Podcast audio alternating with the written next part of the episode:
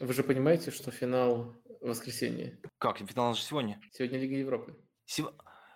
Офигеть, вот это фейл. Окей, это фейл. Акулят в сторонке, остальная команда как-то пытается обороняться. Барселона не понимает, как эту проблему решать.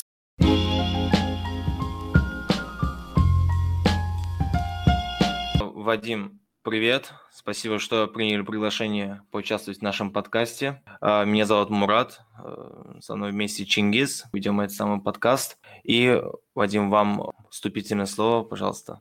А, всем привет. Я на самом деле думал, что вы знаете, кто я, раз меня позвали. Но пишу в основном тексты для sports.ru, иногда комментирую матчи там серии А Лиги на телеспорте. А, всю свою жизнь, по сути, посвящаю э, футболу. Наверное, про него вы сегодня хотите со мной поговорить. Сто процентов. Э, также ведете выпуски «Великий лук». Вадим, давайте, наверное, начнем. Мы с вами будем много говорить про английскую премьер-лигу. Наверное, давайте начнем с вашими впечатлениями. Я, в принципе, посмотрел и ваши разборы, и последние подкасты, где принимали участие, где как вообще думаете, как прошел этот сезон, ваши впечатления в целом? Ой, он, во-первых, был невероятно длинным, во-вторых, э, после английского сезона уже столько всяких э, событий, в том числе в Лиге Чемпионов, случилось, что кажется, что он завершился очень давно. На самом деле это не совсем так. Э, ну, конечно, самое главное впечатление – это Ливерпуль, который, наконец, взял титул. Отдельно радостно за Юргена Клопа. Это очень банальные вещи, которые назревали весь сезон, но не сказать это ну, просто невозможно. Это слон в комнате, который невозможно игнорировать.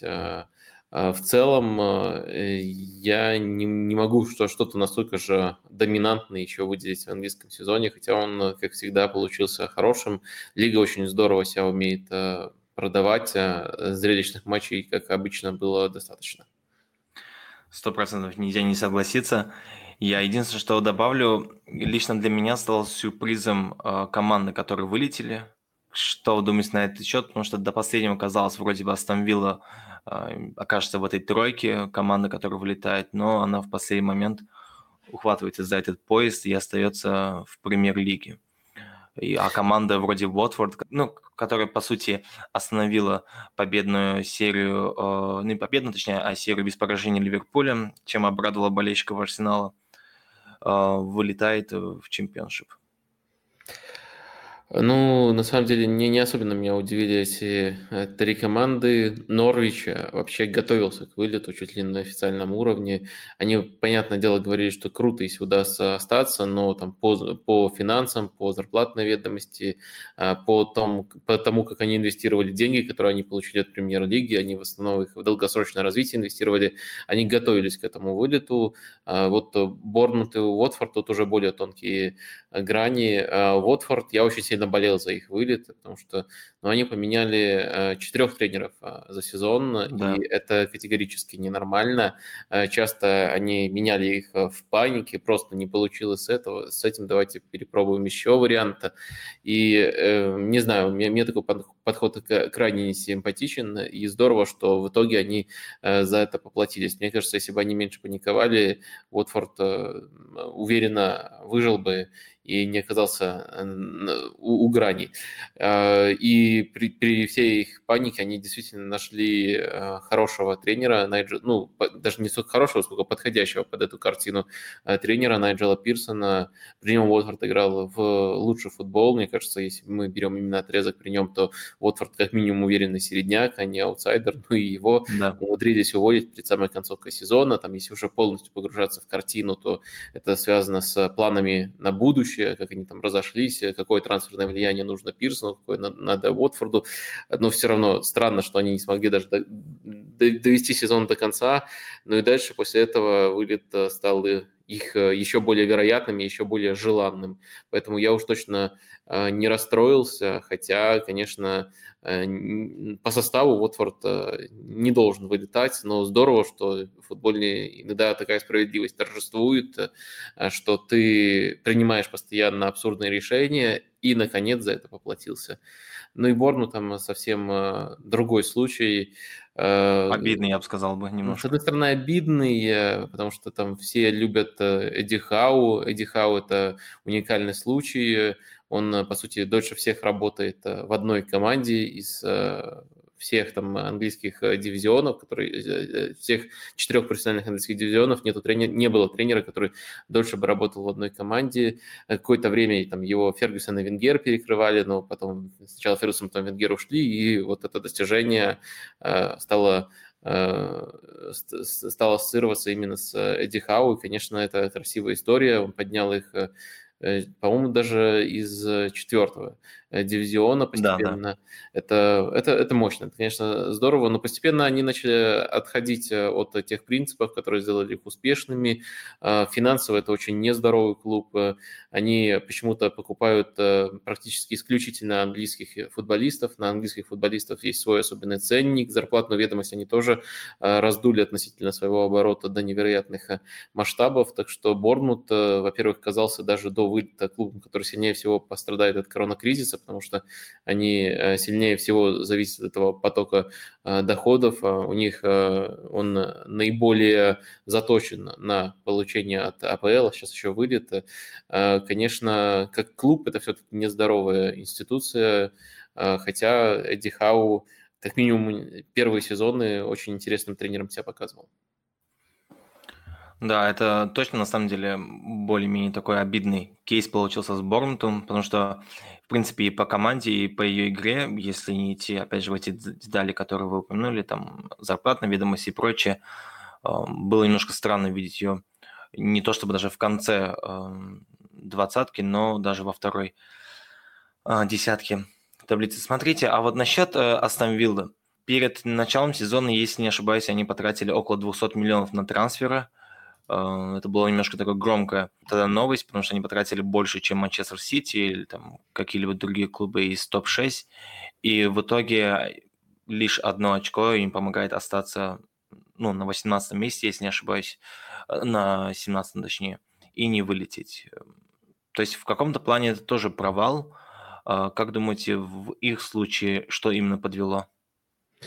На самом деле эти разговоры, сколько команда потратила на трансферы, они немножко э, раздуты. Это такой шум, который мало общего имеет э, с реальностью. А, потому что нет корреляции между трансферными затратами и результатами. Есть корреляция между зарплатной ведомостью, потому что она формируется несколько сезонов, а не в одно трансферное окно, и результатами. Так что я бы на это особо, особенно не оглядывался. Это ну, совсем уже желтые издания любят такие, такие ярлыки навешивать. Так что а, тут э, я не вижу ничего такого необычного. Сезоном ранее Фулхэм тоже больше 100 миллионов потратил, об этом все говорили, и вылетел. Такое случается достаточно достаточно часто. Наоборот, э, возможно, такой поток футболистов может играть в минусы. Но на самом деле тут э, нужно каждый случай в отдельности э, рассматривать, а не подгонять что-то вот под общую тенденцию. И самое занятное, что вот даже после всех этих трат все равно с огромным отрывом лидером и лучшим игроком был Джай Гридиш, который в команде да. был еще в чемпионшипе, еще до прошлого вылета остановили. Так что э, тут э, траты, трансферная кампания, да, она практически полностью э, была провальной, но все-таки клуб не только на этом строится. Там есть Дин Смит, тренер, который тоже очень хорошую работу проделал, который вытащил, остановил в премьер-лигу. Э, так что не могу сказать, что меня это прямо очень э, сильно удивило. Такие, такие клубы вот с большой, большой трансферной компанией, которая либо не сразу срабатывает, э, либо не срабатывает в том числе, потому что она больш, предполагает большой поток футболистов, это не, не редкость в Англии. А, Вадим, а что вы думаете насчет новых тренеров Арсенала и Челси? И какие у них перспективы на следующий сезон, по вашему мнению? Мне кажется, что Фрэнк Лэмпорт э, провел э, максимально хороший первый сезон, э, и по результатам все у него на самом деле в порядке, учитывая из какой стартовой позиции, из какой стартовой позиции он начинал, без Азара, с трансферным баном, Челси было действительно трудно. Э, Лэмпорт умудрился задействовать очень много молодых футболистов, э, раскрыть их и показывать при этом очень качественный, стильный футбол. Именно по качеству футбола Челси явно третья команда Англии. Они не должны были до последнего тура бороться за место в четверке. Они должны были быть поближе к Манчестер Сити, чем кажется из таблицы. А поэтому к Лэмпорду у меня вопросов минимум, хотя к его назначению вопросы были, потому что понятное дело, что это красивая история, но вот чисто по достижениям на конкретный, конкретный момент перед началом прошлого сезона э, без фамилии Фрэнк Лэмпорт, без имени Фрэнк Лэмпорт этот человек не рассматривался бы на пост тренера Челси. Но в итоге бывает такое, что Возможно, э, предпосылки к этому не были стопроцентными, но все удачно очень э, сошлось. И именно в Челси очень комфортно чувствует себя Лэмпорт. Его работу можно пока как э, супер положительно оценивать. А с Артетой на самом деле потруднее, хотя он, в отличие от Лэмпорда, смог выиграть трофей при том, что отработал даже не полный сезон. Я бы это на самом деле не переоценивал, это очень тонкие грани, и этот трофей вполне мог достаться и Лэмпорду, э, как раз вот с ним они в финале боролись. Э, мне кажется, пока Артету нельзя и слишком сурово критиковать, потому что он пришел посредине сезона, э, потому что ситуация была просто ужасной в Арсенале. Может быть, по турнирной таблице там а, все выглядело исправимым, но по качеству футбола Арсенал из всех кризисных грантов по качеству футбола Арсенал всех кризисных грандов был просто-напросто э, худшим. Э, даже если мы там сравним, э, как штормило в некоторые сезоны там Манчестер Юнайтед последние годы, как там э, Милан играл в некоторые сезоны, Арсенал при Юна Эмери показывал футбол еще более низкого качества. Соперники, средняки, аутсайдеры приезжали на Эмирейтс и спокойно доминировали в матчах с Арсеналом, поэтому э, исправлять нужно было очень-очень многое, и это нужно учитывать.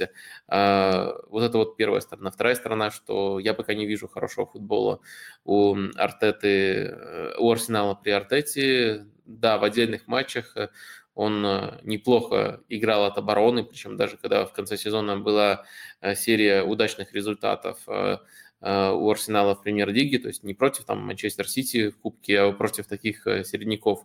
Все равно там был упор на оборону, практически всегда либо 50% владения, либо меньше у Арсенала, и это не то, с чем Артета ассоциируется, не то, чему он должен был научиться у Гвардиолы. Я уверен, исходя из того, что он сам говорит, он этим недоволен, он хочет строить другой футбол. И когда Арсенал вынуждают играть в этот другой футбол, пока что не очень хорошо получается.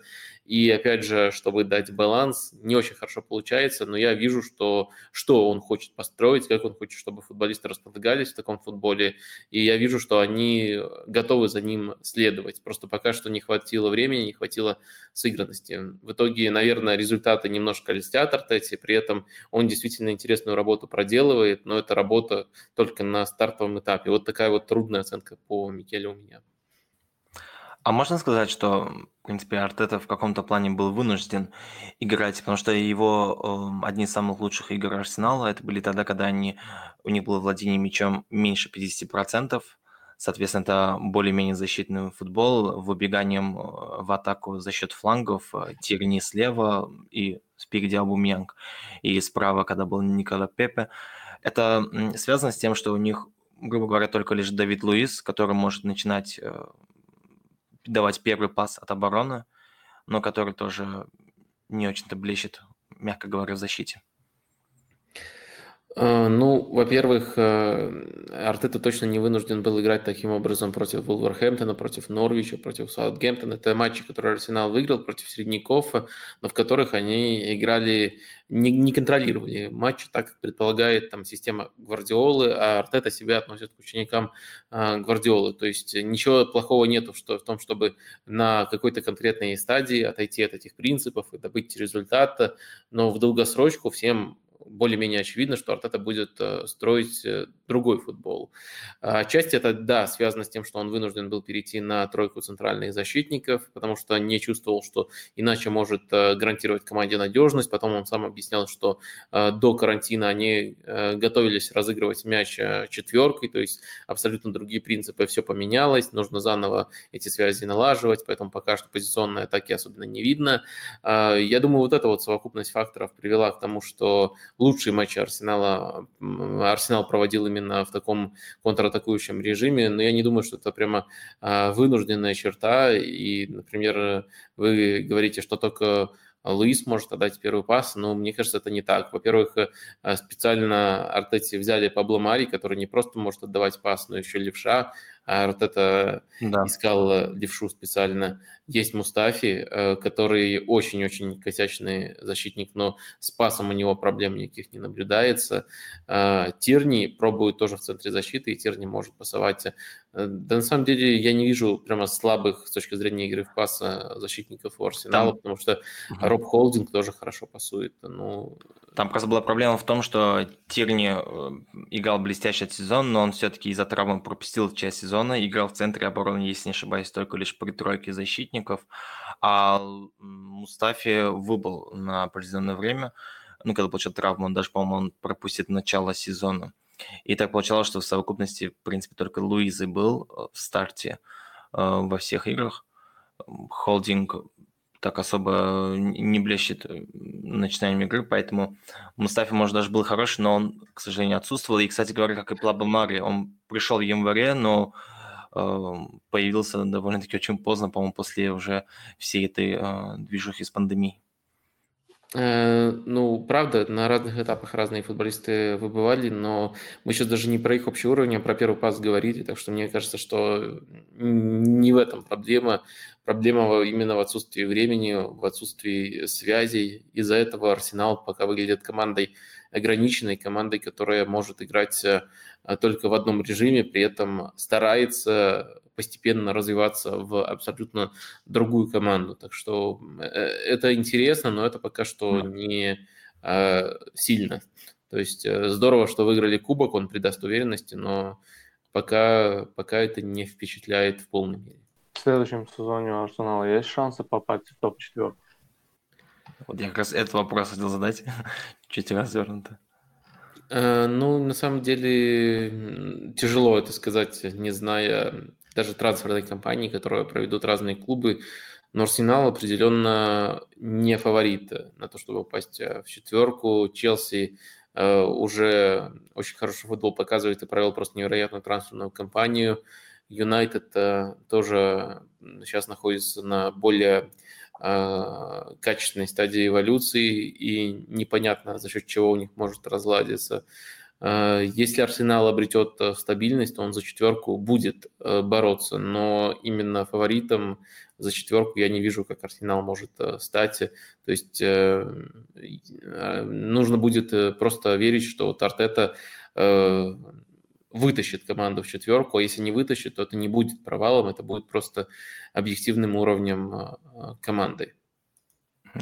А, смотрите, знаю, ну, раз уж у нас рубрика «Арсенал», а, зная руководство Арсенала, которое экономит абсолютно всем, а, вы также затронули это в одном из своих выпусков, рассказав подробно о том, как клуб избавляется от рядовых сотрудников. Если кому-то интересно, я оставлю ссылку в описании. А, так вот, учитывая данное отношение руководства чисто с финансовой точки зрения, Артета – это новый Венгер? Под Венгером подразумевается тренер, который может, вопреки всему, вопреки любой экономии, затаскивать команду в четверку, да, это, эм, то есть тренер, который при ситуации, когда не будут выдаваться даже на трансферы деньги, будет выжимать э, максимум, чтобы добиться результата. Топ-4, топ-6, чтобы это не было. Да мне не кажется, что на самом деле э, Арсенал прямо системно будет э, отставать от э, клубов. Наоборот, э, эти владельцы при всей своей жадности, они показали, что когда дела идут плохо, из них можно выбить деньги, но они просто не будут их вкладывать, если ты даешь результат без денег. А проблема в том, что как Арсенал распоряжается этими ресурсами и зарплатными, и трансферными, И если Арсенал в этом плане прибавит, то, мне кажется, мне кажется, что может ситуация чуть измениться к лучшему. Конечно, это не будет борьбой за самые большие трофеи, но за четверку Э, более реалистично, э, можно вполне будет э, бороться. Пока к этому предпосылок особенно нет, очень много агентских трансферов, тоже влияние Кеджу Рапчана, о котором я говорил. Но суть в том, что прибавит ли Арсенал в этом распределении ресурсов, зависит не в первую очередь от Артеты, то есть зависит от всех, по сути, людей в клубе. Угу. Ясно. Смотрите, у меня более-менее такой э, вопрос на избитую тему. Это Озил. Он попрал, э, пропал во время Эмери. Потом сыграл 10 стартовых матчей под Артетой. Э, даже упомянули про 10 отборов матчей против МЮ в своем посте на своем блоге на Sports.ru. А потом заново пропадает. В чем проблема? И есть ли связь, скажем так, с политикой, где он в своем инстаграме выразил поддержку уйгурам а, я думаю, с политикой э, нету прямой прямо таки связи, потому что Артеси, который это решение принимает, который эти, который эти решения принимает абсолютно самостоятельно, наверное, все-таки в целом более-менее все равно на эту политическую ситуацию. А, а, скорее, это связано с тем, что Мисут отказался пойти на сокращение зарплаты. То есть там очень запутанная ситуация была у Арсенала. Э, изначально футболисты требовали от руководства ясности, то есть покажите, э, что нам даст это сокращение зарплаты, что там деньги пойдут э, не в чей-то там кармашек, а действительно помогут спасти работы, помогут Арсеналу там остаться на плаву, что-то действительно нужно клубу, то есть финансово обосновать это решение. Арсенал не смог этого сделать, и в итоге часть футболистов, практически все, по-моему, за исключением трех игроков, пошли на это решение, просто поверив в честное слово Микеля Артета. Это немножко нетрадиционная ситуация, особенно учитывая, что Арсенал пошел на постоянное сокращение контрактов, а не на э, период без матчей, как многие другие клубы. Mm. В итоге Мисут Азил оказался в числе вот трех футболистов, которые на это сокращение не пошли.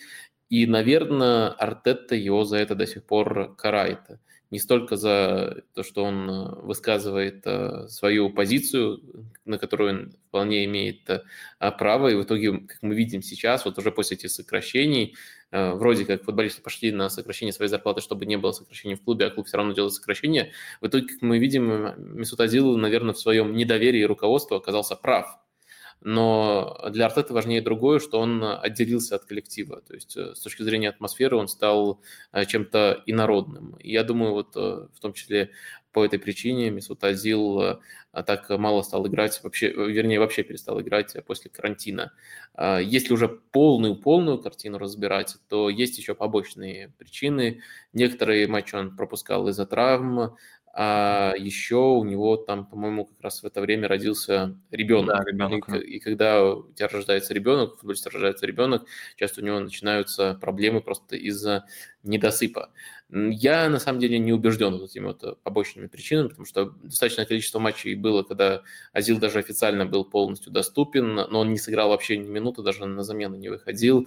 А, поэтому мне кажется, что вот основной разлад родился между Артетой и Азилом именно когда он отказался пойти вместе с командой на этот шаг. И инсайды такие я тоже, на самом деле, встречал. Пожалуй, я бы вот в эту версию поверил.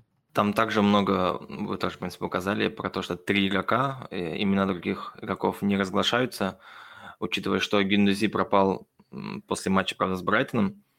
Э, можно ли догадываться, что Гендузи тоже в этом списке, или все-таки его вот эта ненужная перепалка с игроками Брайтона в концовке матча, когда они проиграли 2-1, пропустив чуть ли не на последней там секунде, сыграла такую злую шутку над его карьерой, потому что он пропал и также не появляется в запасе Вообще никаких выводов по Гендузи мы на основании этого не можем а, сделать. Я думаю, что его проблемы с Артетой э, не связаны ни с а, перепалкой э, в матче с Брайтоном, ни с потенциальным отказом от сокращения зарплат. Мы не знаем, был ли он в этом списке или нет. Мне кажется, они вообще долгосрочные. То есть изначально, когда пришел Артет, роль Гиндузи понизилась. Почему она понизилась? Потому что Гиндузи – это игрок хаоса. Когда все вокруг горело, он брал на себя игру и выделялся ну, по сути, он единалил, но это выглядело положительным, потому что вся остальная команда не знала, что делать при Унае Эмери и вообще не воспринимала его футбол, его инструкции. То есть тогда мы за это, его за это хвалили, хотя я похвастаюсь, э, даже тогда отмечал обе стороны, что вот он-то берет на себя игру, но он немножко без головы действует. И э, мне кажется, Артете это в первую очередь не нравится. И сразу, как только пришел Артета, роль Гиндузи э, сильно сократилась. Э, да, не до нуля минут, как после Брайтона, но сократилась. И было много информации о том, что они ругались э, на тренировках, э, на сборах. И я думаю, что это первая причина. То есть Гиндузи э, не принял так, то, что от него хотел Артета. Он думал, что он э, крутой, потому что вот э, в тот стартовый отрезок премьере он блистал. Но на самом деле, для того, чтобы стать по-настоящему крутым, ему нужно развиться еще и в командного футболиста. Этого у него пока что э, нету, и он, наверное, на замечание Артета о том, как нужно играть, реагировал неподобающим образом. А, поэтому сформировалась вот ситуация, конечной точкой которой стал тот самый матч а, с Брайтоном. А, и после, или даже до этой встречи уже начались э, слухи о том, что он и не прочь уйти из клуба. Так что а, мне кажется, тут очень-очень много факторов сошлись, и это уже просто стало последней каплей. Так, я немного переведу тему. Лига чемпионов, как мы знаем, сегодня финал. Э, и как вы знаете, как вы думаете, у ПСЖ есть шансы выиграть Баварию? Я именно поставил вопрос в таком ключе, потому что Бавария в этой Лиге Чемпионов просто невероятна. Я согласен, что Бавария невероятная, и я э, на самом деле даже в таком непредсказуемом турнире, вообще Лигу чемпионов сложнее прогнозировать, чем любой тур, другой турнир, потому что она зависит от конкретных матчей, а не от э, дистанции. Даже в таком турнире я предпочитаю э, просто-напросто выделять команду, которая лучше выглядит по качеству игры. Бавария лучше выглядит в этом сезоне по качеству игры, так что я тоже считаю их достаточно явным фаворитом, но вопрос, э, там, есть ли шанс, это, конечно, уже немножко издевка и совсем неуважение по отношению к Парижу. Конечно, у них тоже сильная команда, шанс есть, но просто для меня достаточно очевидный э, фаворит Бавария. Если, Мурат, ты будешь про Баварию продолжать, тогда я потом. Да, я как раз про Баварию хотел спросить. Эм, у нас от подписчиков тоже вопрос от группы «Наш футбольный круг». Вопрос заключается в следующем, как раз про Баварию. А, если помните, Бавария Юпа Хайнкиса, она также ну, разделала всех подряд в Лиге чемпионов и в итоге взяла трофей. Если очень сильное различие между Баварией Юпа Хайнкиса и Ханса, Флики, э, Ханса Флика? А, ну, на самом деле, Бавария, все вариации Баварии, начиная с а, Луи Вангала, более-менее похожи. Я бы сказал, что Луи Ван Гал – это человек, который э, отодвинул Баварию в сторону того пути, который, который, которого они держатся сейчас. Это э, смесь э, быстрого футбола с классическим таким позиционным футболом. Гвардиол – это человек тоже, который строит позиционный футбол, и он очень сильно развил эти принципы, когда появился в команде. Э, Ханкис, э, по сути, продолжал дело Вангала и сделал команду, наверное, чуть более опасной в контратаках, чуть более гибкой. Э, но фундамент, мне кажется, был заложен тогда, и пускай уже практически все футболисты, кроме, по-моему, Томаса Мюллера, сменились со времен Вангала, но может, еще Витала бы его застал. В общем, практически весь состав сменился, но фундамент был заложен еще тогда, так что э, это очень красиво э, пытаться вспоминать там Юпа Ханкиса э, отдельно, но на самом деле похожесть появилась, и вот направление появилось еще с Луи Вангала. Ханкиса действительно известно, что там э, Флик с ним на связи в трудных ситуациях, скорее не по тактике, а по атмосфере в команде, по таким решениям. Он с ним консультируется, э, но я бы не переоценивал какой-то какие-то прям сверхмасштабные сходства. Они есть, но они есть у каждой Баварии. И у Баварии Гвардиолы с Баварией Ханкиса, и у Баварии там даже Анчелоти с Баварией Гвардиолы. Часть сходств есть просто потому, что эти футболисты прошли школу очень многих топовых тренеров. Например, тот же Тиаго говорил, что практически все элементы, которые вернул э, Флик, которые, которые сейчас либо внедрил, либо вернул Флик, они именно из э, времени Гвардиолы. Э, он, наверное, просто не, не так хорошо помнит то, что было раньше, потому что он с Хантисом работал, но именно уже когда Хантис возвращался вот, вот после ухода Анчелоти. Так что тяжело, тяжело на самом деле тут выделить э, отрезок, я бы просто хвалил самого Хантифлика, а не искал какие-то э, дополнительные факторы. Ага, и еще у меня вот такой вопрос э, насчет Сити. А, почему-то у Сити не получается играть в Лиге Чемпионов, а тем временем они божат в английской премьер-лиге. Я до сих пор не понимаю, почему у них так. И у вас есть какие-то теории? При этом они потратили 943, по-моему, миллиона. Ну, это не может, э, не обязательно должны иметь прямое отношение, но, опять же, на трансферы 2016 года. И их потолоком Лиги Чемпионов это было, если не ошибаюсь, четвертьфинал. Да, это просто жесть, и на дистанции это выглядит очень э, плохо, в том числе э, по отношению к Гвардиоле. Если мы будем разбирать в отдельности каждый вылет, то очень часто сначала нужно, наверное, похвалить э, Гвардиолу за то, что он делал Сити чуть ли не главным фаворитом Лиги Чемпионов, потому что команда по дистанции сезона всегда шла очень убедительно, и даже в этом сезоне э, Бавария и Манчестер Сити у букмекеров были как э, главные фавориты, особенно после вылета Ливерпуля. То есть то, что он ставит в эту стартовую позицию, в такую убедительную стартовую позицию команду, это достижение, но потом он начинается начинаются, по сути, его тренерские привозы. То есть эм, постоянные попытки перед э, важным матчем нагрузить команду чем-то э, слишком, слишком трудным, даже если это решение оправдано с точки зрения тактики, команда иногда не успевает просто-напросто наиграть это, и в итоге перед соперником, которого они вполне могли бы уверенно разнести, играя в свой привычный футбол, они начинают э, млеть, пробовать вот эту, вот эту концепцию, э, пробовать вот этой новой концепции следовать до конца, и это приводит к плохим результатам. Э, тут все, наверное, сейчас думают про матч с Леоном, но те же самые тезисы можно применить к прошлогоднему матчу с Тоттенхэмом. Тогда тоже в премьер-лиге раз за разом э, Гвардиолу достаточно уверенно расправлялся с Тоттенхэмом. Э, в Лиге чемпионов он начал осторожничать, другую схему прямо перед игрой попробовал, и первый матч, по сути, он потерял из-за этого. И такие, такие такие перестраховки в совокупности там, с мелкими деталями, они э, приводят к вылетам Сити, причем даже до той стадии, когда вот реально Сити могут проверить, до той стадии, когда Сити реально добирается до соперника, который им ровнее. Они вылетают от соперников, которые им не ровнее, и тут э, много можно рассуждать там также о невезении, потому что часто этому, э, это, это идет в комплекте с плохой реализацией, можно где-то о судейских решениях э, рассуждать. Там э, с Тоттенхэмом вообще жесть была. Э, в матче с Леоном очень странный гол победный на 2-1 Леон забил, где изначально была подножка Лапорту от Дембеле, который в итоге гол да. забьет.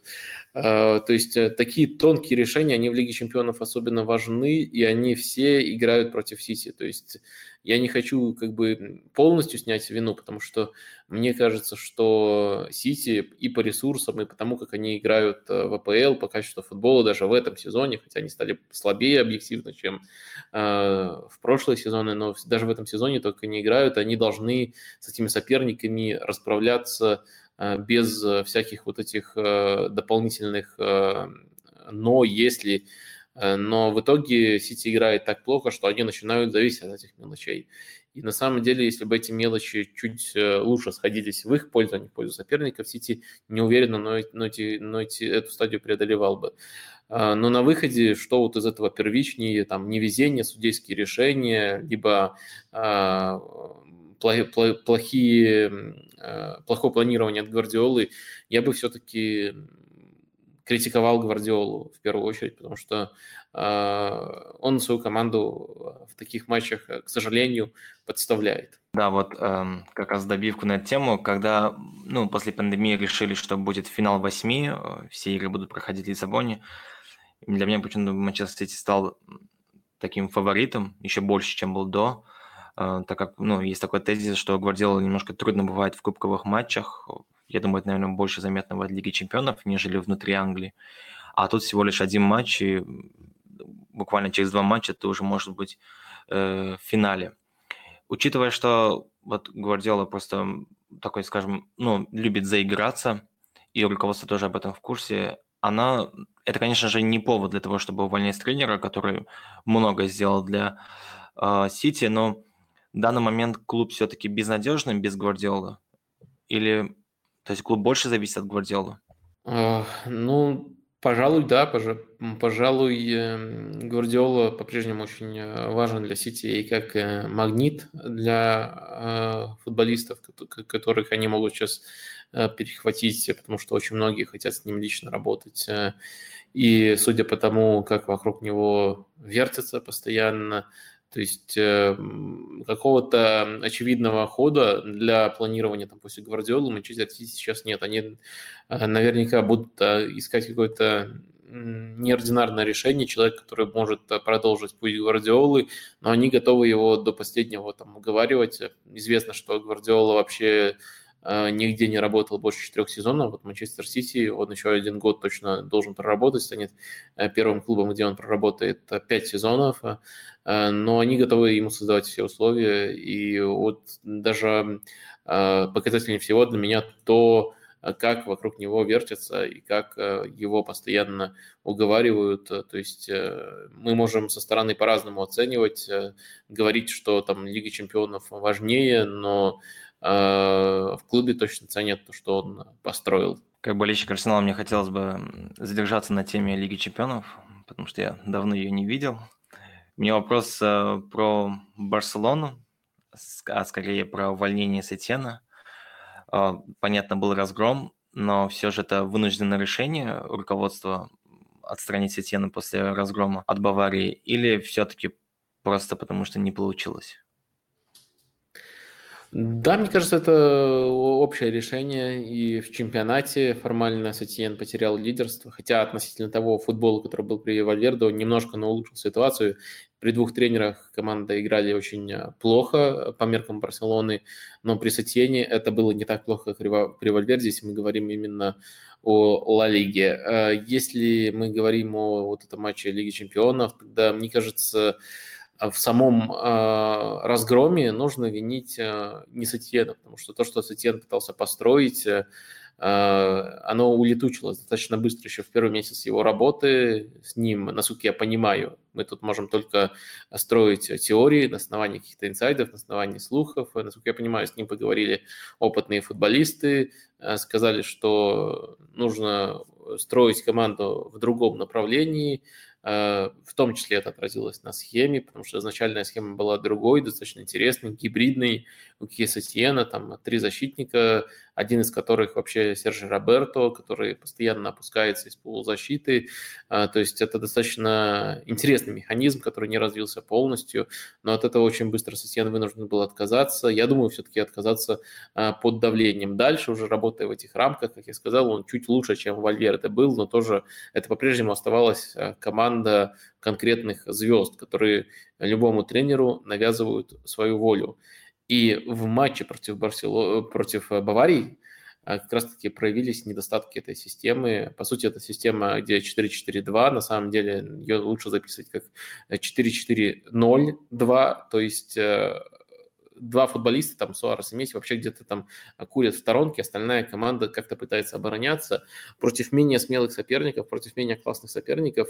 Это на самом деле не, не так уж плохо, потому что, во-первых, Барселона много владеет мячом, мало обороняется, во-вторых, э, соперники не так смело идут вперед, и даже восьмером можно неплохо все отбиться.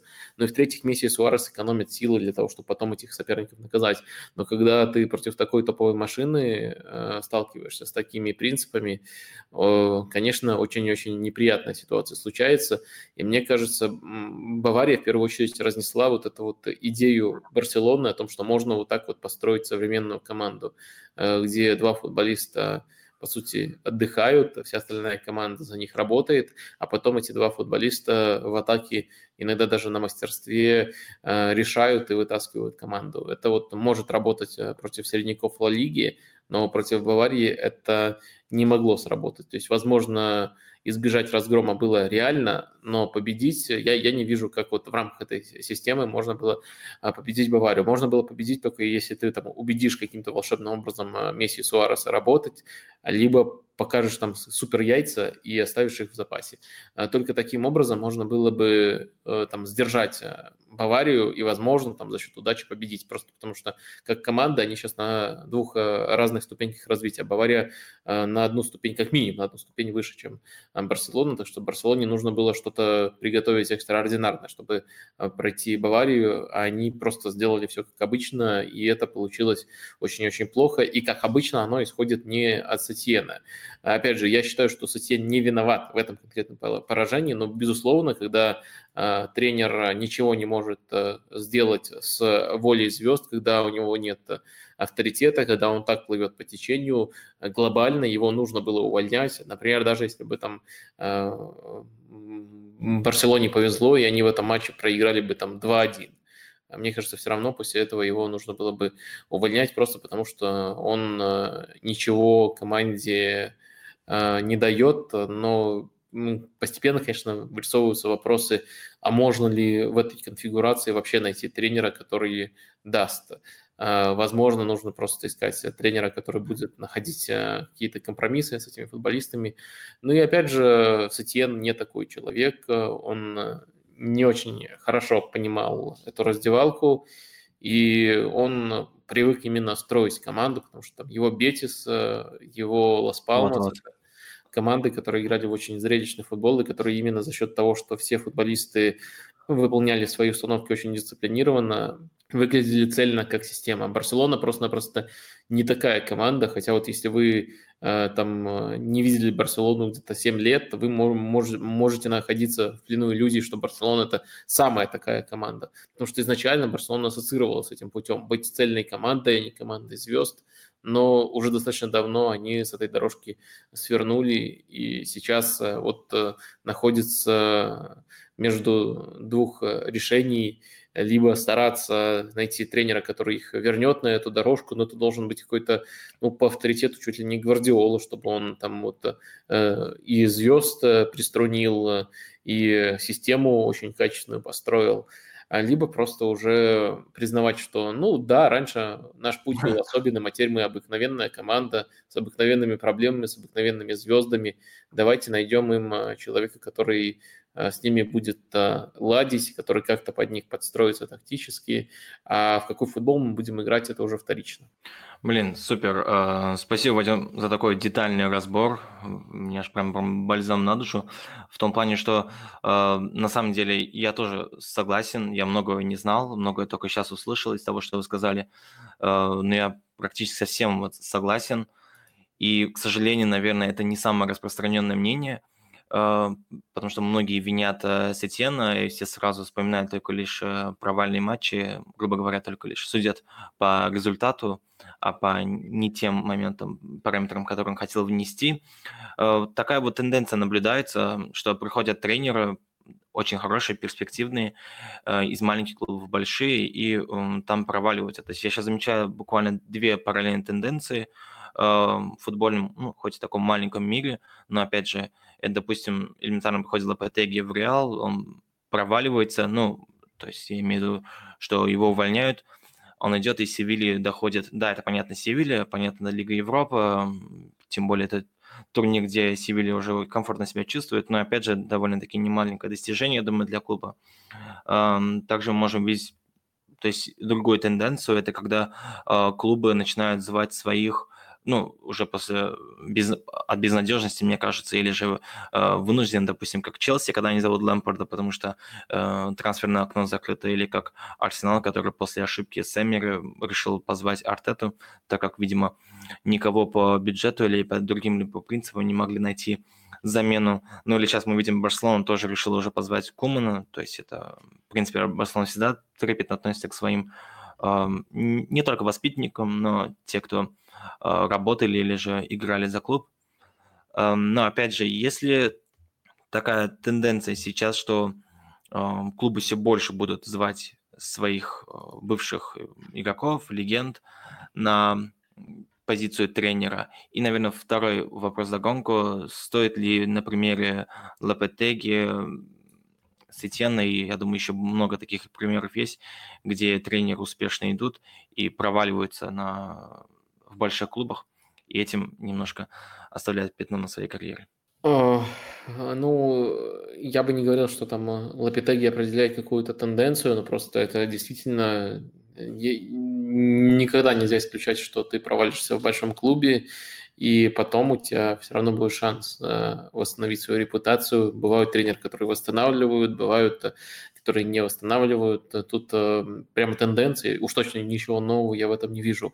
А вот э, а второе направление, оно интереснее. Я как раз э, на эту тему собираюсь э, сделать э, видео, пока немножко сырые у меня мысли но действительно рассуждать интересно, потому что если мы берем именно верхушку, именно топовые команды, то чуть ли не до 50% доходит вот э, количество тренеров, э, которые раньше были э, клубными звездами, то есть которых возвращают и возвращают, по сути, форсированно. То есть по достижениям эти люди не должны вот на данном этапе карьеры работать в топ-командах, но их приглашают. И осмыслить это действительно очень интересно. Но первый и очень э, очевидный момент, э, очень многие клубы э, застряли в позиции, где результат очень мало на что влияет. Ну, то есть, грубо говоря, Барселона очень тяжело сейчас выиграть Лигу чемпионов, потому что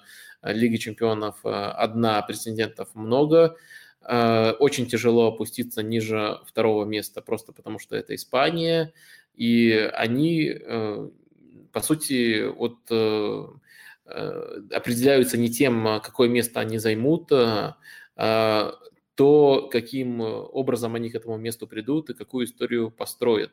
Это, с одной стороны, хорошо, потому что это стабильность, в том числе финансовая для клуба, с другой стороны, это плохо, потому что нет, э, даже победа в чемпионате не сильно там защищает тренера, не считается успехом. Э, и то же самое, по сути, э, в Ювентусе тоже, тоже с Лиги Чемпионов такая же ситуация. В Италии тяжело опуститься ниже первого места, потому что они там уже давно застряли. В Баварии, пускай сейчас нет своего тренера, вот как раз до увольнения им был никакого еще, но тоже такой же цикл есть. И в этом цикле, где разница между провалом и успехом очень размыта, потому что ниже определенной планки точно не опустишься, а выиграть Лигу чемпионов, ну, тут все должно сойтись.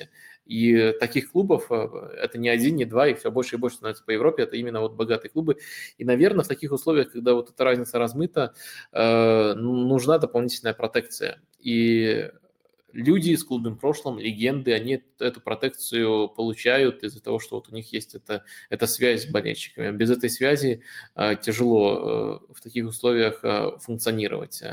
Э, и э, на самом деле, на самом деле это, наверное, все-таки э, печальные э, тенденция, потому что раньше такого не было, раньше чемпионство не было пустым звуком, оно тоже оценилось, оно тоже считалось успехом, но сейчас вот слишком многие клубы в таком э, порочном цикле застряли. Мне кажется, это одна из причин, почему они вот приглашают э, таких э, тренеров.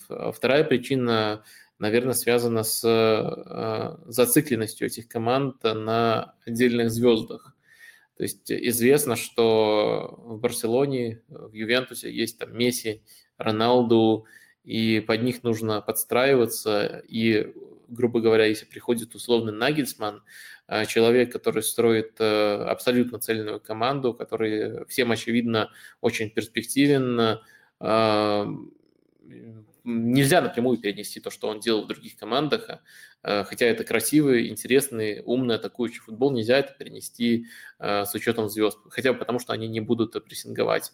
И, возможно, отчасти не видят потенци... перспективы в приходе в такой клуб тренеры с четкой философией, с четкой идеей, и это, опять же, вынуждает выбирать между кем-то из таких неочевидных э, кандидатур э, и, или выбирать вот этот путь с э, бывшей звездой.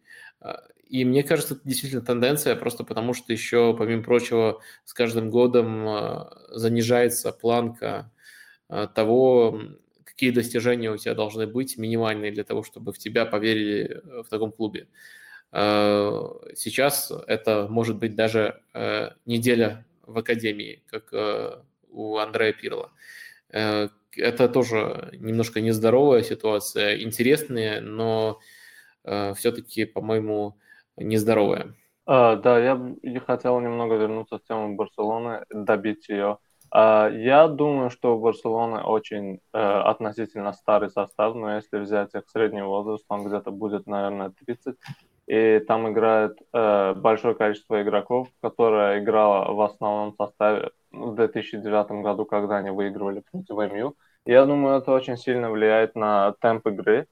Э, и, конечно же, э, тренер тоже влияет на э, какой стиль игры и темп игры. Но дело в том, что Барселона как-то не обновляет состав, а покупает э, относительно старых игроков, типа Видаль, а они недавно поменяли Артура на Пьянича, почему я не понял. Из-за этого у игроков э, нету сильной мотивации атаковать и просто идти вперед. Как вы думаете?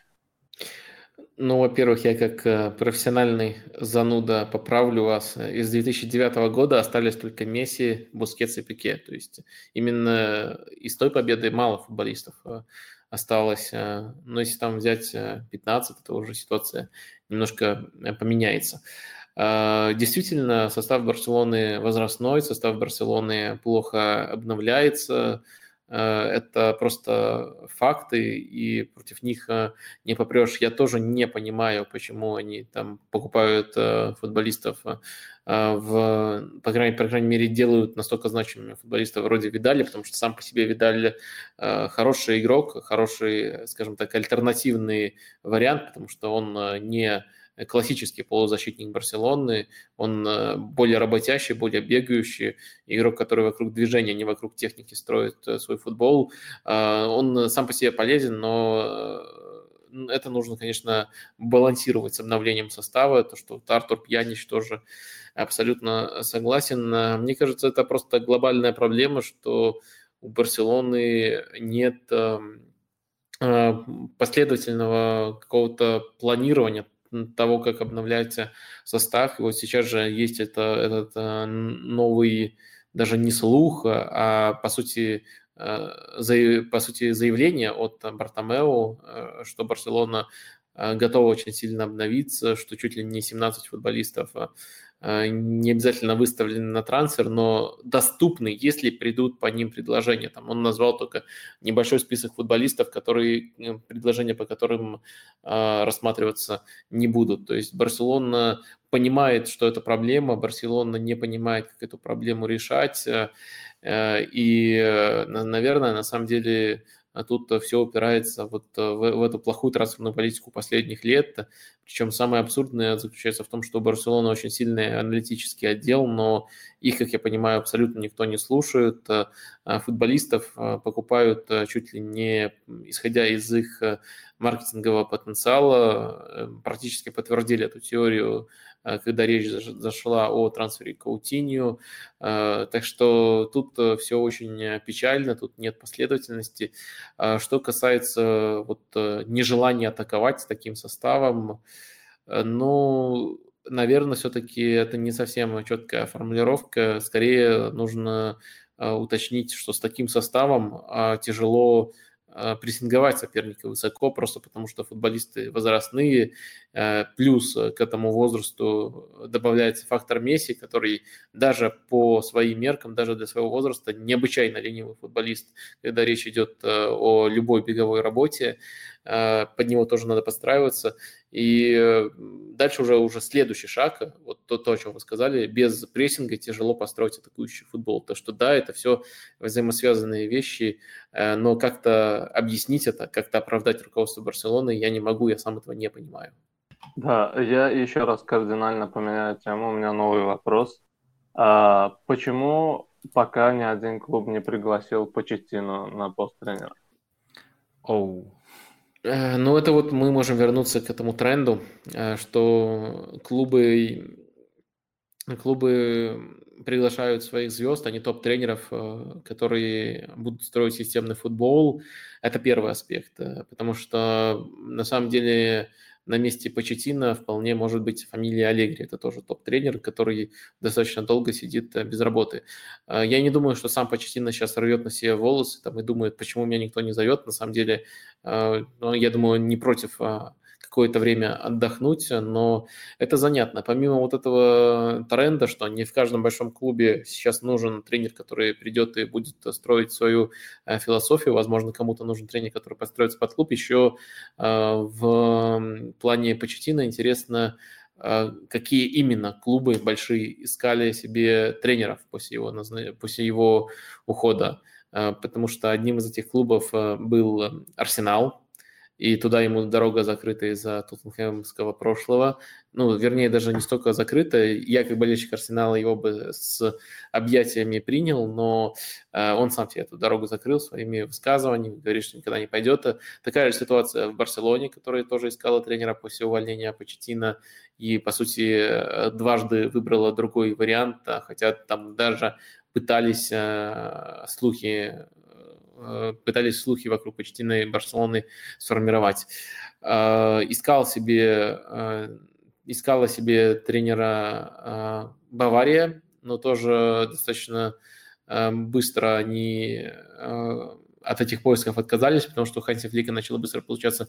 И Ювентус, по сути, выбрал Пирло. То есть реалистичный вариант для Почтина был чуть ли не один Ювентус. И мне кажется, просто он дождется постепенно своей работы, ничего страшного в этом нету, но нужно все-таки отмечать, что вот эта вот, э, вот эта тенденция, о которой мы раньше говорили, немножко понижает шансы вот таких тренеров, как э, Почтина. Так, давайте я тоже переведу тему. А, смотрите, у меня тут вопрос а, от нашего подписчика, ну, в принципе, близкого друга, Тузанар вопрос немножко длинный, я его постараюсь так точно, более-менее э, задать. А, вопрос э, следующий. Берем условный чемпионат, где одна команда играет в очень скучный футбол, забивает условно один гол и ставит автобус перед воротами. Но при этом выигрывает титулы. Есть также команда, которая играет в очень красивый футбол, забивает множество голов, но не выигрывает трофеи.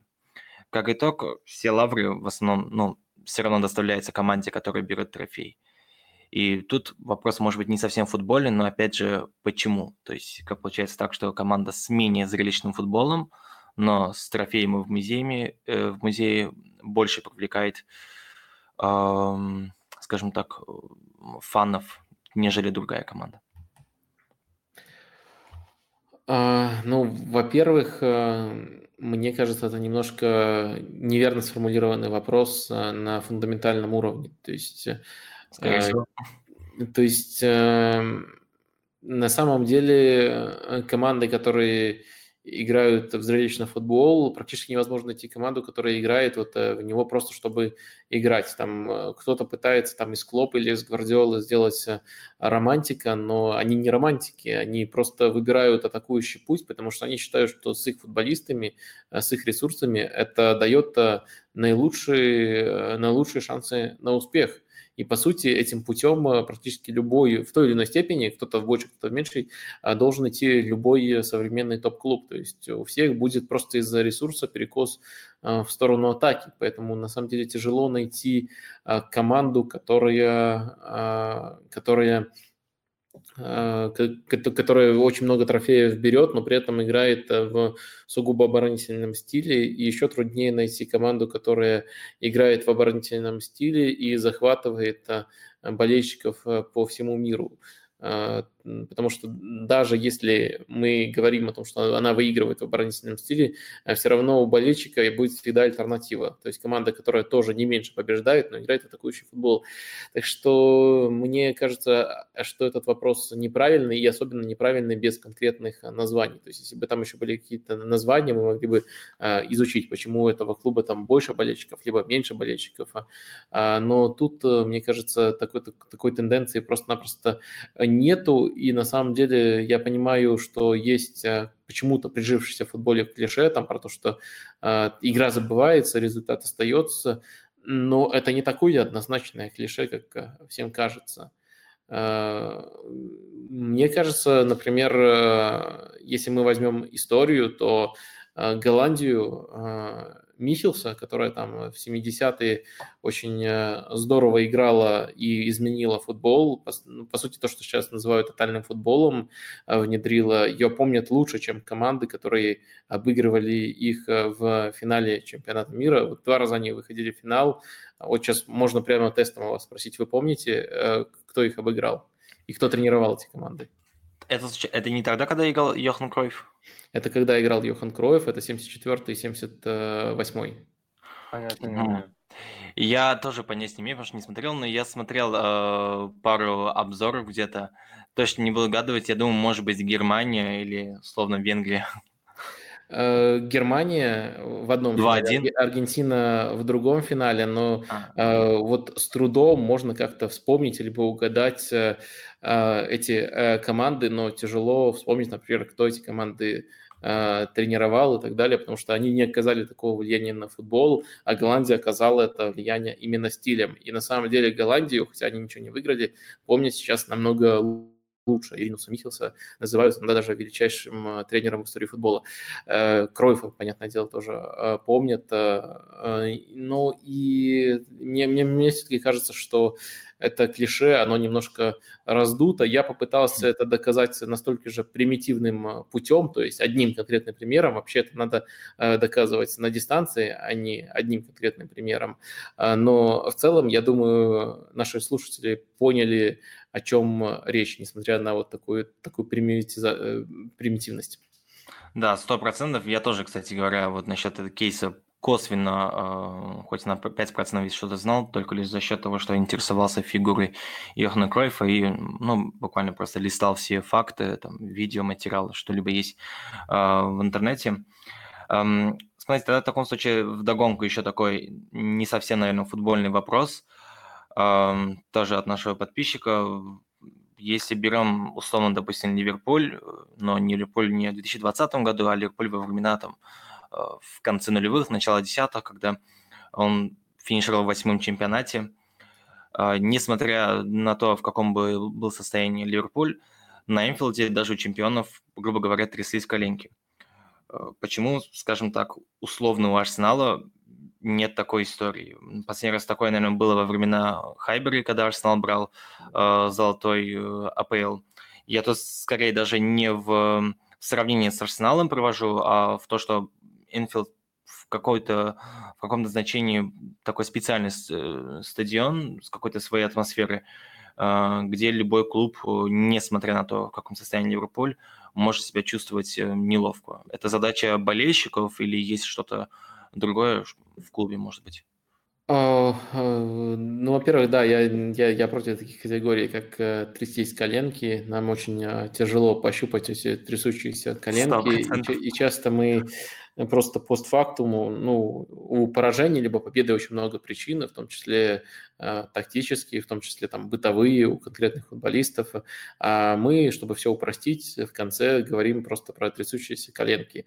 Это первый момент, и тут, наверное, не совсем корректно эту фразу использовать, очень не, совсем корректно сравнивать команды а, по трясущимся коленкам.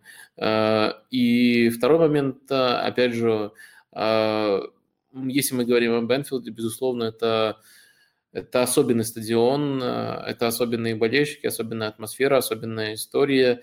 Э, и тут, э, казалось бы, я сам себе противоречу. Сначала я вот призываю не говорить в таких категориях, а потом говорю, но тут я могу лишь оправдаться тем, что у нас за все эти годы набралось очень много свидетельств, прямо вот просто основанных на цитатах людей, которые там либо в качестве тренеров э, соперника приезжали, либо в качестве футболистов.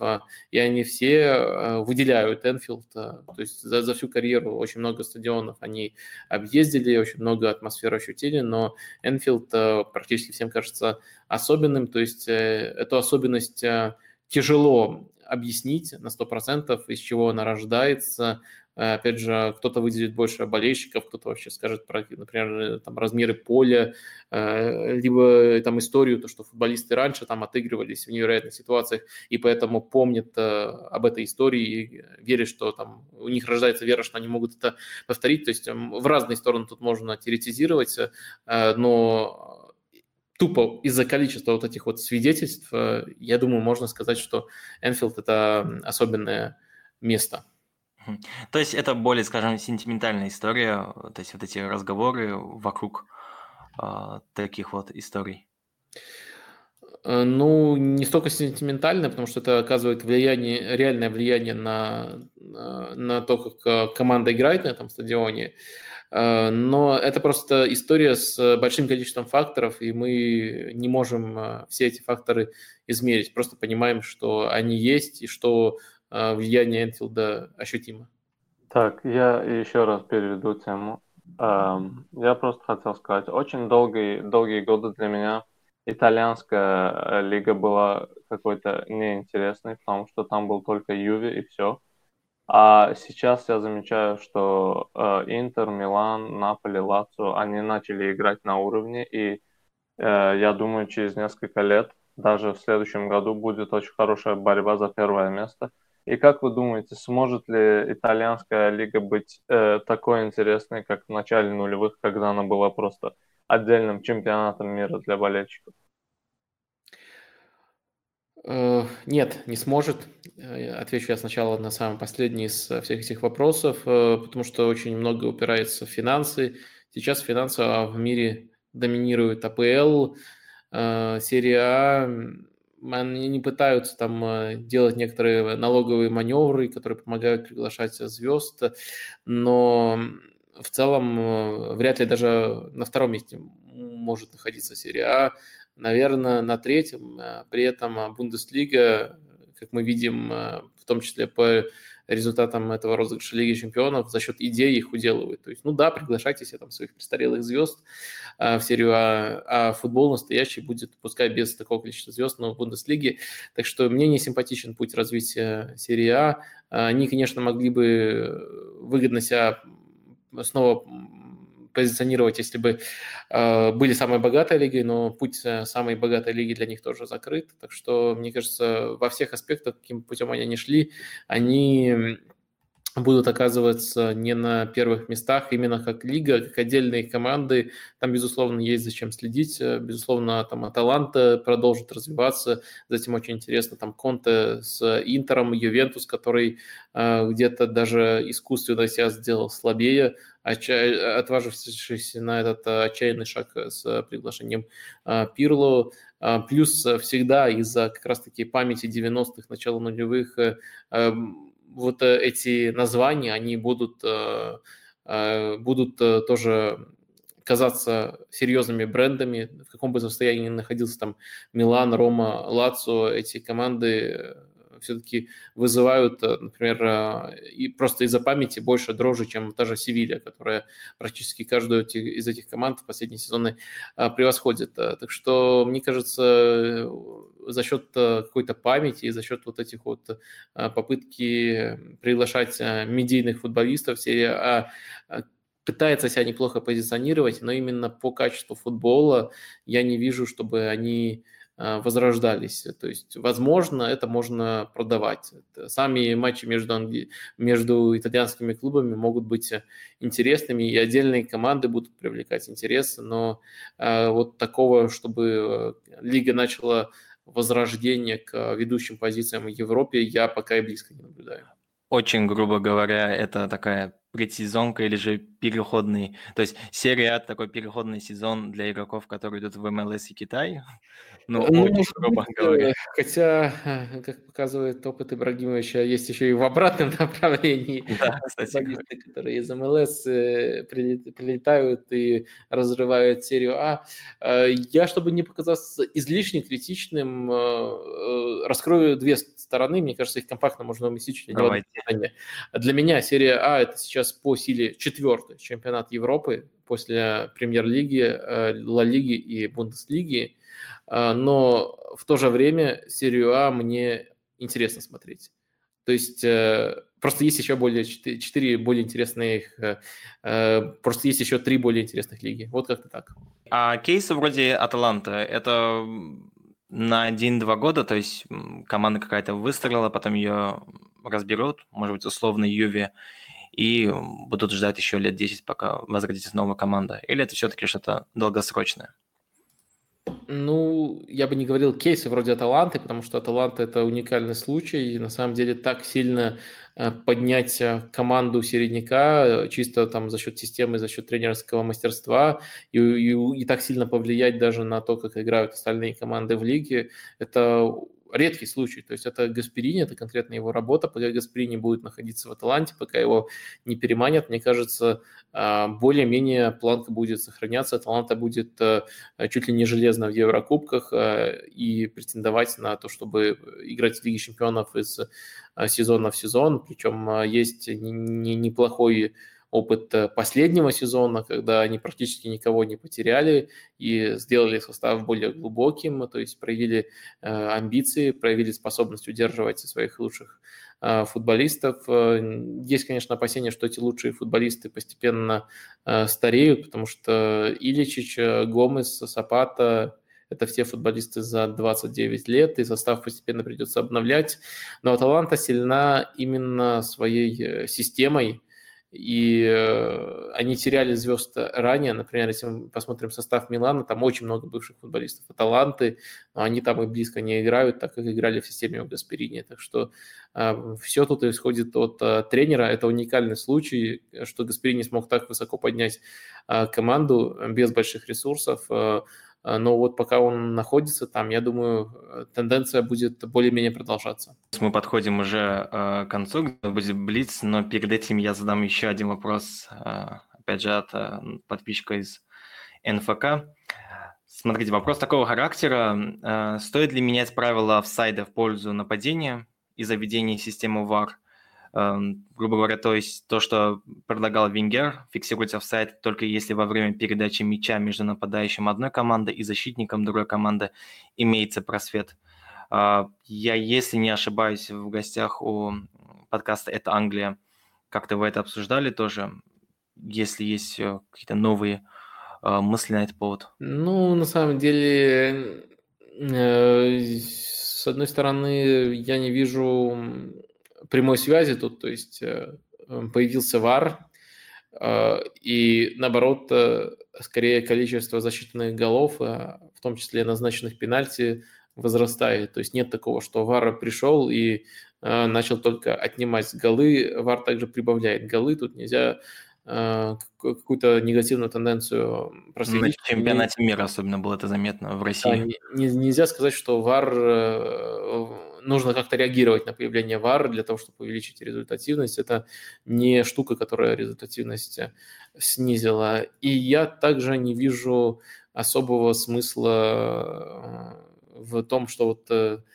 новая трактовка как-то поможет сократить количество пограничных решений. Ну, просто они станут другими, но они тоже останутся. То есть Ну, можно, на самом деле, попробовать изменить. Главное полностью не убирать правила офсайда, потому что это приведет к катастрофе. Это очень хорошее интеллектуальное правило, которое помогает выдерживать э, баланс, потому что без этого правила э, базовой реакцией команд станет садиться вообще низко к своим воротам, чтобы не оставлять пространство сопернику.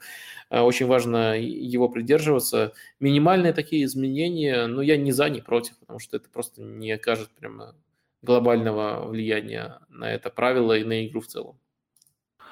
Да, единственная, наверное, проблема скорее даже не проблема в варе самом, а в его трактовке, в зависимости от чемпионата или же условно, допустим, в Англии уже у них есть свои правила, где судья не идет проверять лично, я, может быть, сейчас ошиблюсь, если что, вы меня а, поправьте, а слушает своего ассистента, то есть что он скажет, и если нужно, то уже подходит после.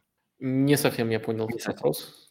А, я имею в виду, что проблема ВАРа заключается именно в трактовке в зависимости от чемпионата. То есть некоторых э, в разных чемпионатах он принимается по-разному. Условно даже рука в штрафной площади. Ну, такие особенности есть. Э, э, очень широко обсуждали, что в Англии, например, э, к самому монитору судьи прямо старательно, максимально умышленно не ходят. Uh-huh. В Италии назначили пенальти там аномально много и относительно прошлых сезонов, и относительно других лиг, опять же, из-за трактовки руки.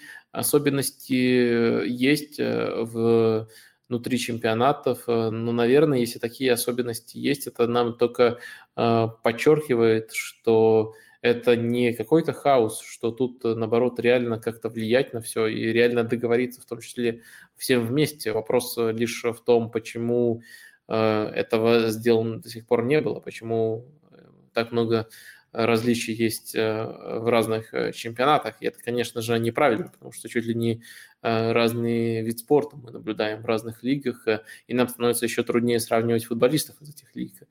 Э, да. Поэтому, с одной стороны, это позитивная тенденция, которая говорит о том, что на методологию использования ВАР можно влиять. То есть, да, пока что влияет не УЕФА на всех, а конкретная лига на конкретных судей. Но на них можно влиять, и я думаю, постепенно все должно утрястись и подойти к единым стандартам. Да, потому что пенальти стало очень много в зависимости от чемпионатов. В своем выпуске тоже обсуждали, когда условно Роналду э, и Левандовский ну, боролись за золотую бутсу. И Мобили. А, выиграл да, и Мобили. выиграл за счет пенальти. Да, в итоге выиграла Италия, в итоге выиграли пенальти, которого просто было катастрофическое огромное количество. И... Ну, Левандовский вообще бедный, у него на 4 матча меньше. Для того, чтобы бороться за Бутсу, он невероятный результат показал, и все равно его прокатили. Причем прокатили не из-за какой-то там супер игры. Э, ну, точнее, для Иммобиля это супер игра, но это все равно хуже, чем игра Левандовского. Прокатили именно из-за пенальти. А, довольно в последнее время, если мы не берем счет Модрича, а, принято давать золотые мячи игроку, который, ну, больше, скорее всего, заметен, то есть который играет в нападении, забивает множество голов. Ливановский был бы в тройке на золотой мяч в этом году, если бы была бы эта номинация. Э, на момент отменения награды э, Левандовский считался главным букмекерским фаворитом. Угу. И учитывая, что с тех пор случилось в Лиге чемпионов, я не вижу, как его шансы на эту награду понизились. То есть, да, именно учитывая особенности награды, он был э, очень хорошим претендентом, потому что, мне кажется, для того, чтобы выиграть золотой мяч, нужно не только провести год, э, где у тебя удачно сойдется индивидуальная форма и командные достижения. Нужно еще как-то себе создавать э, маркетинговые кейсы. Несколько лет Левандовский уже как бы, ну, где-то публично говорил о том, что хочет выиграть эту награду, и его там поддерживали партнеры, у партнеров в интервью расспрашивали это. То есть это не совсем награда, которая, даже если мы говорим об атакующих футболистах, дается за конкретный год, на нее надо э, долго работать, э, по крайней мере, мне так видится, как можно там отобрать эту награду у там, Месси и Роналду, это вот именно такими, в том числе, такой, в том числе, маркетинговой компании. Левандовский все сделал и в последние годы здорово, и в этот сезон у него сошлось, что он провел свой лучший индивидуальный сезон да. в карьере, и Бавария прямо в супер порядке, так что да, он, безусловно, был бы очень-очень а, уверенным а, фаворитом. А, при этом я вот отмечаю, что фаворитом с учетом особенностей этой награды, потому что если мы берем конкретный сезон, мне кажется, Мюллер сильнее и важнее для Баварии – и от Баварии, наверное, его уместнее было бы номинировать на чисто футбольную награду, по крайней, вот, э, по крайней мере, это мнение такое вот э, мое, как человек, который смотрит э, все игры этой команды и пытается прямо внимательно следить за каждым футболистом, за их влиянием на игру. Дебрюйна, мне кажется, в этом сезоне тоже очень-очень... Очень хорош. К сожалению, хорош. не дали лучшего игрока. Дали Хендерсона, если не ошибаюсь. Это Странно. Ну, там есть несколько вариаций этой награды по версии э, футболистов, по версии журналистов э, и награда от премьер-лиги по версии там по голосованию вообще болельщиков. Ну, понятное дело, что последняя награда, она считается наименее авторитетной, потому что и просто болельщики там чуть ли не накрутить голоса можно, но вот э, я, я не думаю, что накрутили, но и Дебрюйне дали вот именно последнюю награду по версии премьер-лиги. Э, такие более авторитетные, э, более исторически важные не дали ему, конечно. Да, конечно, немножко жалко. Э, ну, в принципе, то есть я не про Дебрюйне, а про Левандовского. Но я думаю, в Лиге Чемпионов все-таки возьмем титул. Вообще-то странный немножко кейс, потому что э, Чингис болеет за Челси, я болею за Арсенал, но мы э, в финале, скажем так, топим за Баварию. Это такой э, стокгольмским синдром, я не знаю, как это назвать. Э, у вас есть какие-либо за какую-то команду, может, вы больше болеете в финале или просто будете смотреть на это прекрасное зрелище? Скорее всего, прекрасное. Ну, болеть для меня слишком сильное слово, я его не могу употреблять, когда не играет Арсенал, но тоже мои симпатии на э, стороне Баварии. И просто потому что они по дистанции сезона выглядят лучше, а я как такой э, зануда люблю искать даже в футболе справедливость. Я абсолютно нормально отношусь, когда футбол, футбол а, проходит э, без справедливости, но если за что-то и можно поболеть в матче команд, которые мне безразличны, то именно за то, чтобы та, которая играет интереснее и симпатичнее, э, выиграла конкретный матч.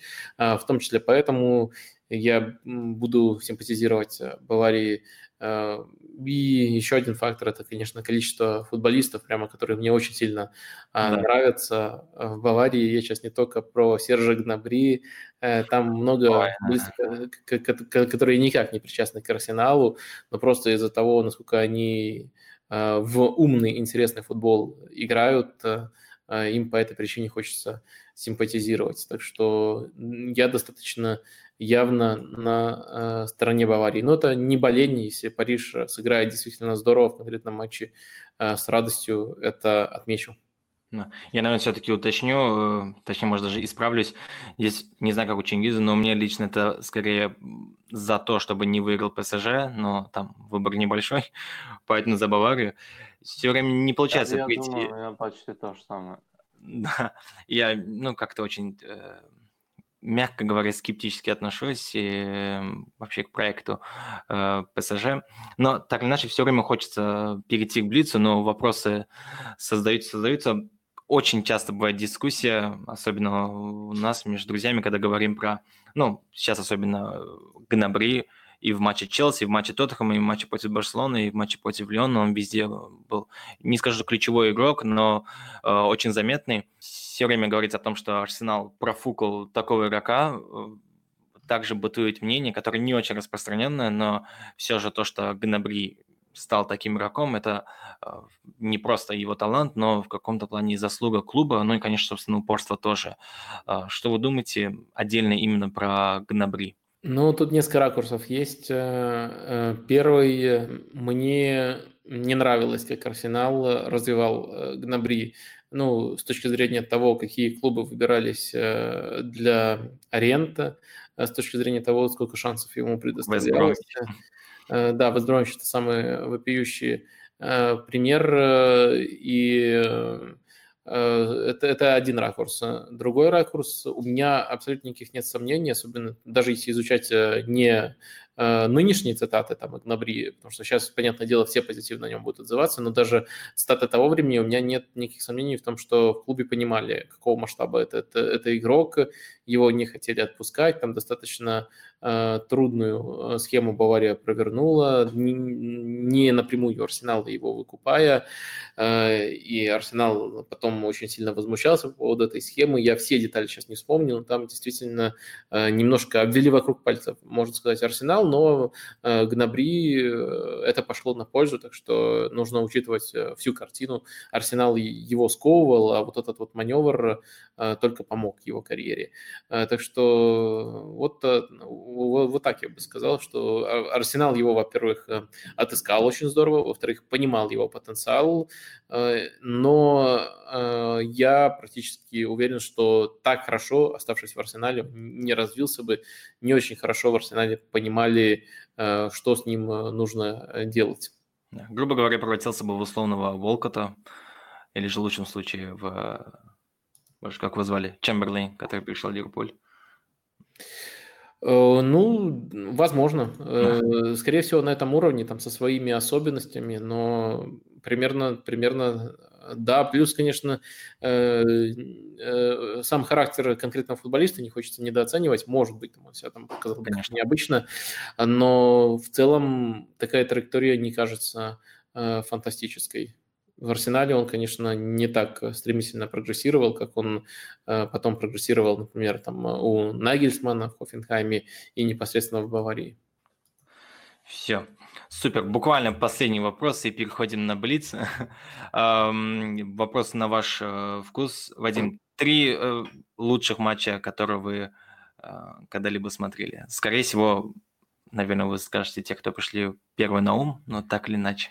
Я определенно точно скажу те, которые пришли первые на ум. Я еще даже уточню, что я очень плохой человек для того, чтобы этот вопрос мне задавать, потому что из-за количества матчей, которые я смотрю, я их очень плохо запоминаю. Я веду... Мы пометки, все вину на себя берем. Да, пометки по абсолютно каждому матчу, но, безусловно, а, крутой матч – это камбэк Ливерпуля против а, Барселоны. Его, да, тяжело проигнорировать. А, почему-то мне очень сильно запал в, в душу чисто мой личный матч, потому что мне очень сильно нравилась эта команда. Матч эм, Арсенала на э, Сан-Сиро 2008 год, э, сезон 2007-2008. Э, там Милан был действующим победителем Лиги Чемпионов, Арсенал их, ну, просто по всем статьям именно по качеству футбола переиграл там, по-моему, 2-0 в итоге было, но э, само качество футбола и какие-то впечатления у меня от этого матча остались очень э, позитивные. И там, какой бы еще матч э, выбрать, много... Арсенал рейтинг. Ну, Арсенал рейтинг это по сценарию хорошие матчи, но как какой-то он не... Величины. Да, не, да, не того масштаба, просто Арсенал загнался в эту пропасть, потом выбрался из этой пропасти. На самом деле удивительно было то, что э, загнали они, то, что э, выбрались, э, что-то, что-то, ничего такого по-настоящему, э, та, та, вот э, из матчей, которые хочется прямо возвысить над остальными, Э, в голову не приходит. Тоже давайте будет э, гиковский ответ. Э, мне очень сильно понравились матчи Манчестер Сити против Наполи, когда они в Лиге Чемпионов встречались, Сари против Гвардиолы. Вот два этих матча именно по мысли, по насыщенности, по эстетике они были очень хорошими. Да, я вот, кстати, именно этот матч вообще абсолютно не помню. Надо будет как-то э, пройтись. Так, ну в таком случае давайте мы переходим э, к нашему завершающему э, блоку Блиц. Задаем вопрос в стиле Дудя, задаем коротко, вы не обязательно, вы, вы отвечаете обязательно, не обязательно коротко. Так, начнем? Да, пожалуйста. Так, э, Гвардиола или Клоп? Клоп. Манчестер Сити или ПСЖ? Манчестер Сити. Артета или Лэмпорт? Артета. Вальверда или Сетьен? Сатьен. Кто выиграет Лигу чемпионов? Бавария. И завершающий вопрос от Каргинова. Арбуз или дыня? Арбуз. Арбуз. Арбуз топ. Стоп. Наши все гости выбирают арбуз. Это главный вопрос от этого подкаста. Чингис, у тебя есть что-нибудь добавить? А, нет, все, спасибо большое за участие. Да, огромное спасибо, Вадим. Э, я уверен, наши подписчики, но в первую очередь мы очень кайфанули от, этого, от этой беседы, очень много нового узнали э, для футбольных, для людей, которые очень остро интересуются футболом. Я думаю, это будет подарок, э, все, что говорили сегодня. Еще раз спасибо за участие. Обязательно тоже подписывайтесь на Вадима Луконского, на особенно его выпуски под названием «Великий лук», но также читайте его статьи на Sports.ru. Вадим, если у вас что-то есть добавить, пожалуйста. А нет, только поблагодарить хотел бы, что пригласили. Тоже мне было очень приятно с вами пообщаться. Спасибо большое. А, всем хорошего дня. Адиос. Адиос.